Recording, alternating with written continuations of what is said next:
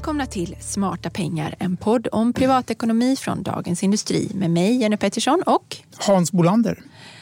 Idag i podden så ska vi fokusera helt på den dystra privatekonomiska våren.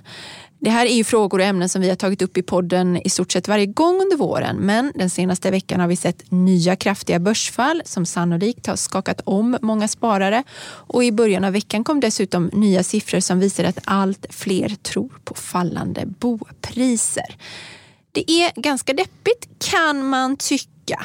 Men vi ska försöka skruva lite på det här och nyansera bilden lite och blicka lite framåt och hoppas att det här faktiskt ska bli lite peppande. Eller vad säger du Hans? Ja men absolut och tala om lite grann varifrån vi kommer. Vi kommer från en väldigt euforisk omvärld där allting har gått åt rätt håll och då är det inte så konstigt att inga träd växer som bekant i himlen. Det är inte så konstigt att kurvorna vänder neråt ibland. Nej, och det kan vara bra att påminna sig om eh, den lite mer långsiktiga utvecklingen. Så det är det vi tänker skicka med er här idag.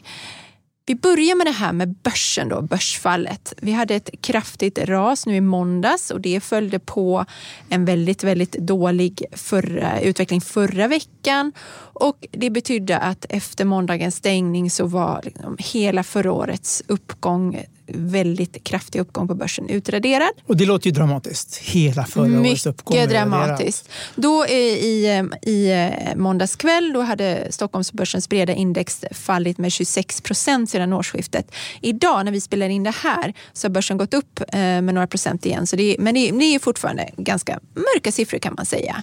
Men Hans, om man ska sätta det här i ett lite större perspektiv. Vad ska man säga då? Ja, men då kan man säga så här att vi behöver bara gå tillbaka tre år. Om du tittar på börsutvecklingen tre år så är börsen upp 30 procent. Och om du då för tre år sedan hade parkerat allting på nej nu deppar jag ihop, nu sätter jag allt på sparkonto. Då hade du fått noll. Men trots det här börsfallet har du alltså fått 30 procent på tre år. Och på tio år så har du fått 140 procent om du har placerat inte Stockholmsbörsens breda index. Har du placera som vi brukar prata väl om globalfonder för riskspridnings skull, då är det upp två, mellan 200 och 300 procent av globalfonder gått upp på tio år. Alltså två till tre gånger insatt kapital. Och det beror på delvis, det är en valutaeffekt också. Men, så att, Just det, kronan har tappat under den här tiden. Ja, men exakt. Mm. Så att, och det, det bör man ha med sig. Man det är precis, för att det är ju det här med att vi pratar ju mycket om vikten att vara långsiktig. Och det är ju lätt att säga när allting går bra. Men det är ju på något vis i svåra tider den här strategin prövas. Och det är då det kanske kliar, det känns jobbigt, man får ont i magen och man kanske tänker nej men nu skiter jag i det här och så plockar man ut sina pengar vid egentligen kanske sämsta tänkbara eh, tidpunkt då, efter ett stort ras och tänker man att man ska skydda sig från ytterligare ras. Men om man är långsiktig, då har vi historiskt sett den här utvecklingen. Jag, jag tittade faktiskt eh, på en genomgång som Avanzas sparekonom Niklas Andersson hade gjort tidigare i år, precis när Ryssland gick in i Ukraina. Ja. Och då hade han liksom visat han på en graf där med, med IT-kraschen i början på 2000-talet och sen eh, finanskrisen där 2008-2009 och så sen hade vi en sättning 2011. Och liksom ser man då den här jättebranta rasen och sen, sen ser man, sen har uppgången tagit lite olika lång tid ja, efter ja. de här. Men, men liksom, det är ju enorma vändningar vi har sett efter de här djupa rasen. Ja visst, det har verkligen vänt. Och nu kan man säga nu kanske fler är lite deppiga nu för de kanske har satsat hårt på teknikaktier och tillväxtbolag. Och det är de som tar mest stryk nu i den här börsmiljön. Det där kan du ha eh, tappat mer än halva börsvärdet på kort tid. och så. så att det, Medan då så kallade värdeaktier går, går mycket bättre. Så att det är också. Men eh, det är samma sak där. När du köper enskilda aktier eller fonder så är det riskspridning som gäller. Mm. Det är ju det vi brukar trycka på jättemycket. Och det är klart att då må många kanske är nykomlingar. De har ryckts med i den här börseuforin som vi har haft här senaste tiden och som man kanske börjat spara i den här eh, uppgången och inte har varit med om någon nedgång innan. Det är klart att det kanske är lite omskakande men det är ju så här det historiskt har sett ut. Och det är klart att om man har gått in med en jättesumma precis vid toppen så tar det ju kanske då längre tid att återhämta sig än om man har sparat regelbundet under många år där man även köper då i nedgångarna för det är ju då man ska ju inte försöka tajma, eh, Nej, tajma det marknaden. Det är ju så att tid i marknaden är bättre än, än, än timing på marknaden. Eh, men Eh, det pratar vi alltid om att det inte ens experterna lyckas fullt ut med det. Eh, några kanske lite bättre än andra. Eh, men om man då lyckas köpa i nedgång då har man ju enorm utväxling. Eller man liksom, om man lyckas köpa på botten då har man ju fått enorm utväxling på det. Men har man ett regelbundet sparande då har man ju delvis köpt ja, på botten. Exakt. Så, så det där jämnar ju ut sig lite. Så hur ska vi sammanfatta det här? Eh, deppa inte ihop, ha pengar sparade på börsen. Det ska vara en del av, kanske inte hela ditt sparande och det ska vara för långsiktiga pengar som du ska vara beredd att ha kvar i minst eh, tio år tänker jag. Och då får du då får du bättre avkastning än att ha det i lågavkastande sparkonton eller räntefonder. Det har gått bra. Ja.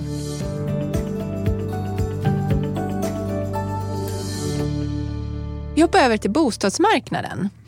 Eh, det kom ju en bopris, SCBs boprisindikator för maj kom här häromdagen och den mäter ju då skillnaden mellan de som tror på stigande priser och de som tror på sjunkande priser. Och fortfarande är optimisterna fler, men de har minskat i andel då. Fler, alltså pessimisterna ökar. Just det. Eh, och vi hade ju boprisstatistik här förra veckan som visade på med stillastående bopriser. Ja, det kan precis. Så, så det, och så har vi ränteuppgångarna som ju äh, är en anledning till, att, till den här ökande pessimismen vi ser nu. Då. Och vi har inte sett något prisfall ännu. Det har vi inte gjort. Nej, men eh, det, det tror väldigt många att det, det, det kommer det ju kommer. komma. Liksom. Mm. Fast ingen dramatiska. Nej, eh, det är spännande faktiskt för att jag, igår hade jag faktiskt en mäklare hemma hos mig.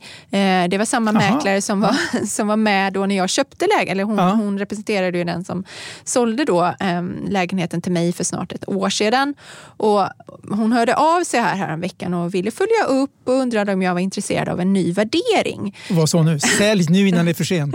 Nej, det gjorde hon faktiskt inte. Men eh, jag konstaterade att jag inte, eller jag sa till henne, jag ser inte riktigt vik, vitsen med det. Jag planerar inte att sälja Nej. och jag, den här liksom, belåningsgraden, eh, värderingen som sen då eh, man gör om till belåningsgrad eh, som ligger till grund för vad, vad man kanske får för räntor och sånt där, den kan man ju inte göra om enligt reglerna på fem år.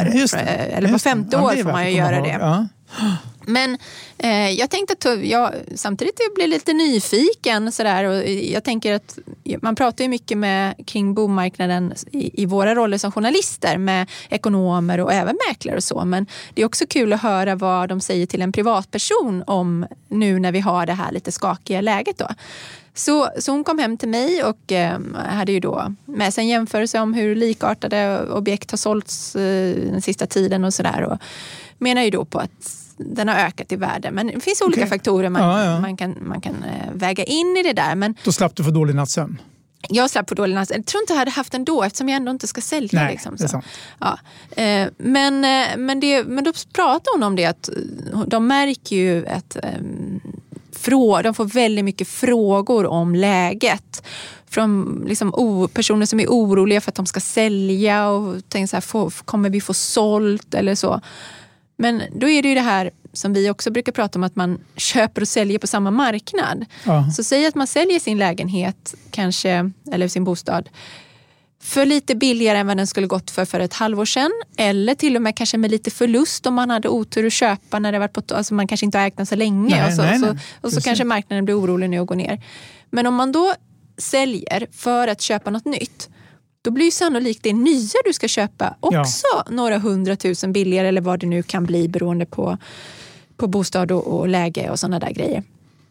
Så, så totalt sett kanske det inte blir någon egentligen större skillnad. Du får lite mindre men du betalar också lite mindre. Ja, men, exakt. Så, men det där säger hon att det är ganska svårt att få folk att liksom psykologiskt grepp. Alltså att det, ja, det känns ja. jobbigt att min bostad faller i värde. Att man inte ser helheten där. Det tycker jag var intressant. Men att eh, hon var ju tydlig med att ja, men vi, vi tror att vi kommer se en nedgång här. Inte jättestor, men det får man räkna med. Men vi har också sett liksom över tid att det, att det vänder upp igen och sådär. Men det kommer bli en period här som är lite mer skakig. Ja. och så. så jag tycker hon gav ändå en helt rättvisande bild av eh, av läget så som jag ser den också. Ja, ja men vad bra. Men du, eh, om man då ska ta det här vidare då, eh, för det är ju många som är oroliga för vad som händer på bomarknaden. Eh, hur ska man beskriva läget och vad är det vi kommer ifrån? Ja, men först, först kom, vi kommer ju från en miljö med med förbättrad köpkraft, sjunkande räntor, bostadsbrist eh, och, eh, och det har ju, har ju tillsammans har ju en mängd faktorer tryckt upp bostadspriserna. Där kan vi ge en liten bild bara hur, hur snabbt det har gått. 2005 så kostade till exempel i Storstockholm var pris, kvadratmeterpriset 23 000 kronor per kvadratmeter för en bostadsrätt. Eh, och det är cirka 70 000 idag. Det är alltså upp 300 procent. Det är högre. Och det är motsvarande summor ungefär i Stormalmö och Storgöteborg. I Malmö har det gått från 12 000 till 37 000 kronor per kvadratmeter för bostadsrätter.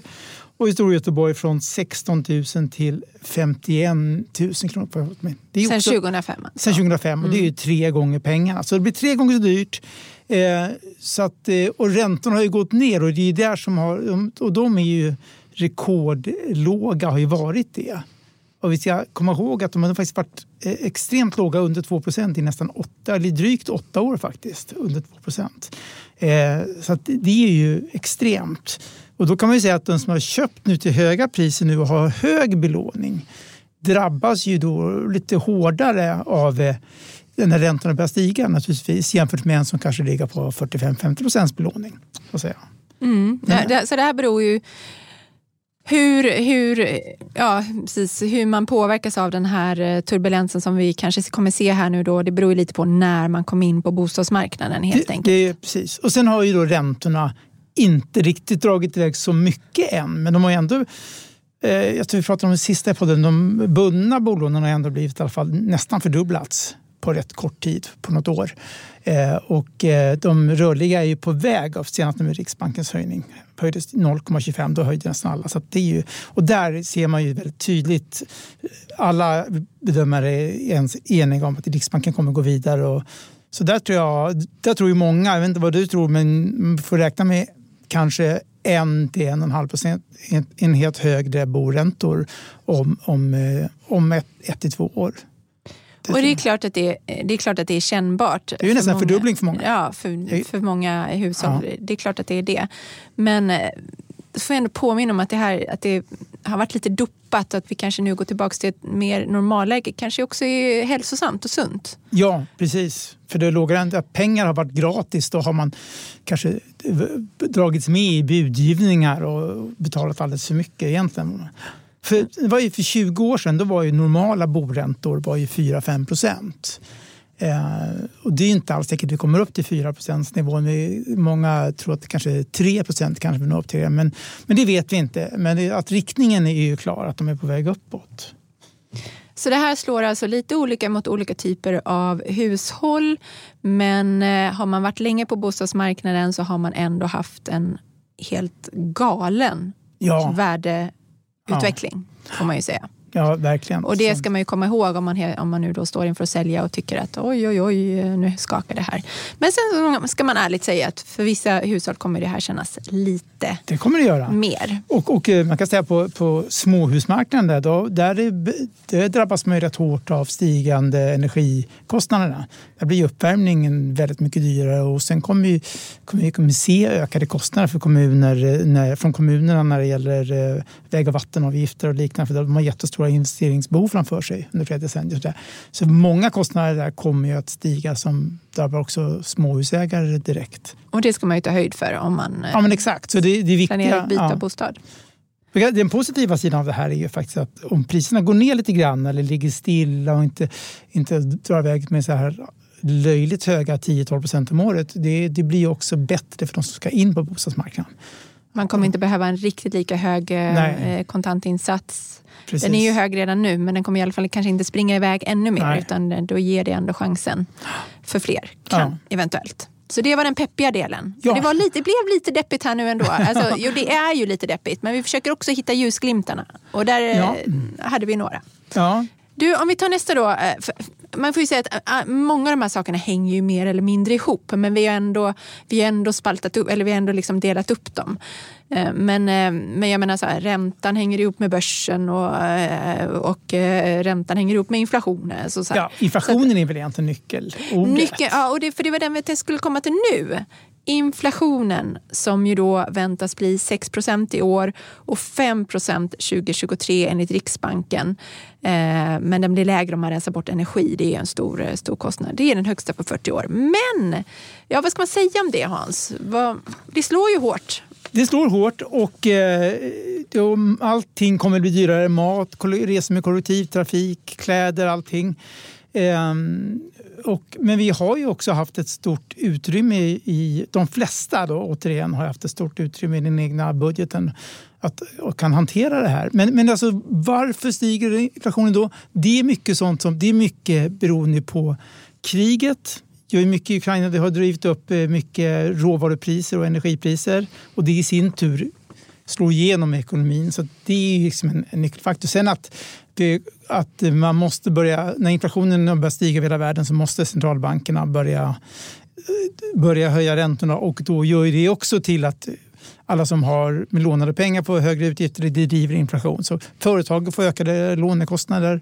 Så att eh, stigande räntor och inflation är ju nyckeln. Och det, är också, det har ju varit onormalt med den här stimulanspolitiken och hålla i den allt för länge med med 0% för, eller minusräntor för nästa gång vi har en lågkonjunktur. Hur ska vi kunna stimulera ekonomin då om vi har räntor på noll? Så det, är ju, det kan man säga är den positiva sidan att vi kommer till lite mer så kallat normalt. Ingen vet riktigt vad det är, men normalt läge. Alla famlar. För, ja, precis. Men för inflation och räntor, så att riktningen uppåt är bra.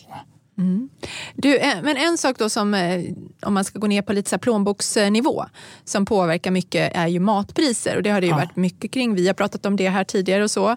Att eh, man, många bedömare räknar om att livsmedelspriserna stiger med kanske runt 10 procent och sådär. Men vi lägger ändå mindre pengar på mat nu, gör vi inte det Hans? Ja, det gör vi. Det var ju så att eh, det började redan med EU-inträdet så fick vi väldigt mycket enklare att importera utan avgifter och så. så att då sjönk ju matkostnaderna rejält för svenska hushåll och i, idag kan man säga så enligt eh, Statistiska centralbyråns mätning så lägger vi cirka 12 procent av hushållens utgifter går till livsmedel. Då är det inte restaurangbesök och sånt eller alkohol inräknat. Eh, och det på 80-talet var det 18 procent av hushållsbudgeten som gick åt till mat. Och tidigare så på 70-talet så det var ännu mer. Så att mat har relativt sett blivit en mindre utgiftspost för hushållen. Så att, återigen, där börjar vi från en låg nivå och det kommer bli dyrare och det är ju de, det kan man, det är ju de sämst ställda hushållen med lägst inkomster och så som har ju svårast att eh, kompensera sig för det här. Som inte har de eh, inte har de resurserna helt enkelt att lägga på sig. De blir tuffare, de får ju snåla in på olika sätt. Men det är ändå viktigt att komma ihåg att mat kostar mycket mindre nu än vad det gjorde. Ja. Eh, för 10-20 år sedan. Ja, eh, så att vi lägger mindre pengar. Så det kommer bli dyrare men kanske ändå kommer vi inte komma upp i de här eh, delen av hushållskassan som vi hade då på 80-talet. Nej, och här, får man, här kommer ju, restaurangbesök kommer bli dyra på grund av stigande matpriser och även i butikerna. Och det här hänger också väldigt mycket med kriget och så för det ger ju brist på en massa både insatsvaror till de som producerar maten och marknadspriser på vete och liknande stiger och nötkött och ägg och allting. Så att, Mm. Så dyrare mat, men eh, kom ihåg 80-talet. Ja. Vi går över på nästa punkt och det är bränsle. Eh, bensinen, dieseln. Ja, vad har vi för priser i dagsläget Hans? Ja, men de ligger ju runt, runt 23-24 för diesel och runt 21 kronor litern för bensin. Och det, det, jag var förvånad hur snabbt det har gått. För jag tittade tillbaka på statistiken nu. Det kostade ju 17 kronor i julas. Det var ju, det, med dagens mått är det redan reapriset. tyckte man var lite dyrt när man tankade. Men det var, men det, så det har gått snabbt. Men äh, återigen, och så tittar du tillbaka till 90-talet. Då kostade det 6 kronor litern. Mm. Men alltså, man glömmer ju lätt att bilar idag är ju väldigt mycket mer bränslesnåla. Det är ju, alltså det är ovanligt med bil, nya bilar, eller de som har gjorts de senaste tio åren, som drar mer än 0,5-0,6 eh, liter per mil. Och vad drog de på 90-talet? Ja, men de drog ju med en, en till en och en halv automatväxlade. Ja. Så det kunde vara de som drog upp gamla dåligt skötta bilar kunde dra två liter per mil. Så, att säga. så vi hade ett annat, eh, en annan prissituation men också en annan förbrukningssituation ja, kan man säga. Så att, eh, i, den här, i det här eländet så kan man ändå komma ihåg det. Att moderna bilar drar ju faktiskt väldigt lite. Så det är, klart att det, det är klart att det är jättekännbart för många med pendlingsavstånd och så. Ja, men, eh, men återigen med lite histor historisk perspektiv på det hela så är det kanske inte riktigt så illa egentligen. Det är klart att det är ju sämre än för ett halvår sedan men eh, om man nu ska sätta in det i någon slags eh, längre Ja, och så kommer man komma ihåg att i, i, i en familj som har en bil så är kapitalkostnaden och att det värdet försämras på bilen så väldigt snabbt, det är den stora kostnaden på sikt. Inte bränslet, precis. Mm. Eh, elpriset då? Nu har du ju redan tecknat lite en, en, en deppig bild av eh, priset här. Då. Och så är det mm, ja, de framtida stigande energikostnaderna också. Eh, vad ska man säga nu då? Nu, nu ligger det på eh, under april runt en krona i södra delar av Sverige. Men, eh, och det är sju gånger högre än vad som gällde under lågprisåret 2020. Så finns det någon ljusning här? Ehm, det är så, alltså, elpriset är jättesvårt att förutspå. Det, så, alla har ju förstått nu att vi hänger ihop så mycket med den europeiska marknaden. Så det hänger väldigt mycket ihop med kriget och Putin. Och är det så att priset på gas och olja stiger i Europa då, då smittar det, med, då smittar det, drar det upp eh, priset även på el i på Europa. Och vi har inte så mycket, eh, vi har väldigt lite fossila bränslen men det, det drar även upp eh, framförallt priserna i södra Sverige. Så att, eh, men vi, vi jobbar, menar, hela samhället jobbar på för fullt nu med, med att öka på med framförallt vindkraft men även solceller och liknande. Och där när produktionen där drar igång så kommer ju priserna gå ner också. Så att, eh, men det är en extremt eh, volatil marknad som man brukar säga. Så. Men, men då, energieffektivisering är väl nyckeln där. Liksom. Det tror jag också att fler och fler jobbar med. Både privat och hemmen och, och även industrier. Och allt. Men där kan man ändå se att det finns kanske någonting i framtiden som kommer att eh, ja. leda till en bättre situation. Ja, det gör det. Mm. Och, så man ska se ljus på det, även om det känns tungt nu då kanske? Ja, precis. Och det, man ska komma ihåg också att det är fortfarande det är inte heller en jätteutgift. För de som bor i bostadsrätt eller lägenhet så är det inte elkostnaden en jättetung börda. Det är ju de som bor i framförallt eh, eluppvärmda småhus. De blir färre och färre för det är väldigt många som har bytt till andra energilösningar. Så den gruppen minskar ju och det ökar incitamentet då att göra någonting åt energiförbrukning i, Mm. Vi, vi, har ju sett, eh, det har vi pratat om innan, den enorma uppgången för eh, sol, installation av solel. Ja, precis. Så, men, så det är väl något att överväga då kanske. Ja, suget efter värmepumpar mm. är ju rekordstort. Men du, om man då tittar sammantaget på det här med ja, ökade kostnader på olika fronter. Det betyder ju att hushållen då ihop med inflationen då tappar köpkraft och reallönerna faller då liksom när löneökningarna inte hänger med, vilket vi ser i år där avtalet säger eh, knappt 2, eller runt 2 procent och eh, inflationen då kanske kommer vara 6. Så det är klart att då, då förlorar vi köpkraft. Men, men om man tittar på det på lite sikt så har ju genomsnitts hushållet ökat sin köpkraft enormt mycket, eller hur? Ja, ja men det har ju varit eh, otroligt standardlyft om du går tillbaka flera decennier. Och vi har ju beskrivit det här på olika sätt i Dagens Industri. Och en mät, senaste mätningen vi gjorde, jämförde var på tio år och då hade en, då hade en eh, småbarnsfamilj i villa fått eh, köpkraften förbättrad med 18 procent. Alltså fick 8 000 kronor mer i plånboken att spendera på tio år. Det är realt, alltså då har vi räknat bort prishöjningar och allting. Så att, eh, och det, det, har ju varit en kombination av, av stigande reallöner. Det har varit en bra eh, avtalsrörelse och har hållit löneökningar i schack men, och även inflationen. Eh, och det har varit en låg inflation och vi har haft sjunkande räntor och vi har haft sänkta inkomstskatter också. Så det har ju gjort att de allra flesta har fått det mycket bättre. Och går du tillbaka, du kan gå tillbaka 20 och 30 år också. Det här är siffror både från bankerna eller titta på Statistiska centralbyrån. Så det är ju samstämmigt att trenden är väldigt stark. Så vi har ju fått väldigt mycket högre standard. Så återigen, inte så konstigt om den ibland faller tillbaka. Nej, det är väl det som eh, liksom är vår, är vår slut, eh, slutmedskick här. Att eh, många saker är deppiga nu, det kan vi inte komma ifrån. Nej. Det är klart att det inte är roligt att se sin aktieportfölj sjunka med 30 procent eller, eller eh, att man suckar när man får elräkningen om man bor i ett, kanske en villa. Eller att eh, det känns jättejobbigt att tanka bilen att det känns oroligt om man kanske ska sälja sin bostad. Det, det där är helt naturligt. Men sätter man det i ett större perspektiv så har hushållen fått det väldigt mycket bättre de senaste decennierna sett till köpkraft. Ja. Och det kommer uppgångar, det kommer nedgångar. Ja, ja men precis, verkligen. Och vi kanske då får tänka sig att man drar ner på så här vardagslyx och sånt. Det har vi också pratat om här. Det, vi konsumerar ju väldigt mycket mer, har gjort generellt sett.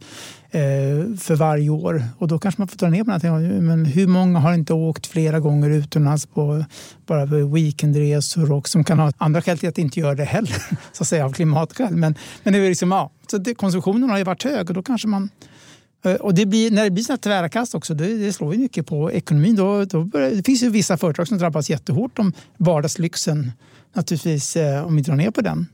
Så är det ju. Men nu pratar man också om att vi, vi kanske står för in, inför tuffare tider, recession och så vidare. Det, finns, det, vet vi ju inte ännu. Men fortfarande är ju också Sveriges, det tycker jag är viktigt att påpeka, att Sveriges ekonomi är ju väldigt stark och vi har fortfarande en stark ja. arbetsmarknad. Det är ju så, det är ju så, till och med, det är ju ett stort problem det här med kompetensbrist och att ja, företagen inte hittar ja. personal och så.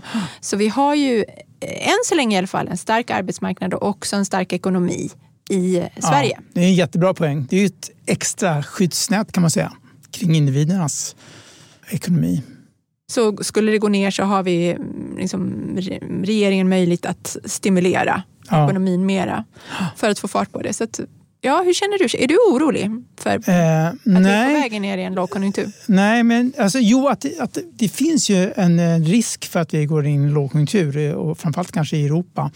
På något sätt brukar amerikanerna vara bättre på att parera där och de har en inte så stel arbetsmarknad brukar man säga också. Så, så att, men att Europa går in i en lågkonjunktur, det, det tycker jag det är lite oroande för det, då blir det ju sämre på riktigt. För, för alla och det blir många som blir utan jobb. Så, eh, men jag tycker så länge vi har en stark arbetsmarknad och liksom håller i det så behöver man inte vara orolig i sig. Men vi har ju en massa andra utmaningar som vi behöver lägga... Vi har, måste ju lägga pengar också, kan man komma ihåg, på, på klimatförändring, på integration och, och försvar. Det finns ju mängder av utgiftsområden. Det saknas ju inte. Men, men jag kan säga, jag är inte orolig. Jag, jag är framtidsoptimist. Nästan alltid är det faktiskt. Eh, sen kan man, så får man se bara att det går lite grann i cykler. Ble, ja, blev det här peppigt nu då? Det blev lite deppigt och lite peppigt. Jag tycker det här på slutet blev det peppigt ändå. Ja, mm. ja känner du det liksom att du... Uh, nej, men jag är också nog... Eh, jag, jag oroar mig inte så mycket. Nej. Det gör jag inte. Faktiskt. Så att, um, ja, nej men som sagt. Alla får tänka på att man har buffertar för lite tuffare tider. Så är det ju. Med det så avslutar vi Smarta pengar för idag. Podden redigeras av Umami Produktion och ansvarig utgivare är Peter Fällman. I väntan på att vi är tillbaka igen så lyssna gärna på våra andra poddar där flera av dem har gjort om formaten lite, eh, som Analyspodden och Det är digitalt till exempel. Något ja. mer du vill lyfta fram Hans? Ja, alltså makrorådet om man tycker räntor och sånt är spännande. Det är jätteintressant. Det kommer ju massor med bank, konjunkturrapporter och sånt nu som, eh, där de faktiskt verkar som drar ner på tillväxtutsikterna och så. Så att det, det är ju spännande. Och sen det här dagliga nyhetsflödet är också, det har vi, det har vi i tv har en mängd sändningar där som är spännande att se på. Mm. Och sen har vi ett eh, nytt tv-program som är premiär på fredag tror jag. Ja, just det. Eh, från DI Digital, Mitt i bruset. Ja, lite om, kändisar inom digitalvärlden. Ja, tech, ja. techvärlden och sådär som eh, ska prata om eh, sina egna bolag och eh, olika trender och så som finns inom den delen av ekonomin. Så missa inte det, den kommer finnas som podd också. Både som tv och som podd. Ja, roligt. Mm, det blir spännande. Med det säger vi hej då. Hej då. Hej!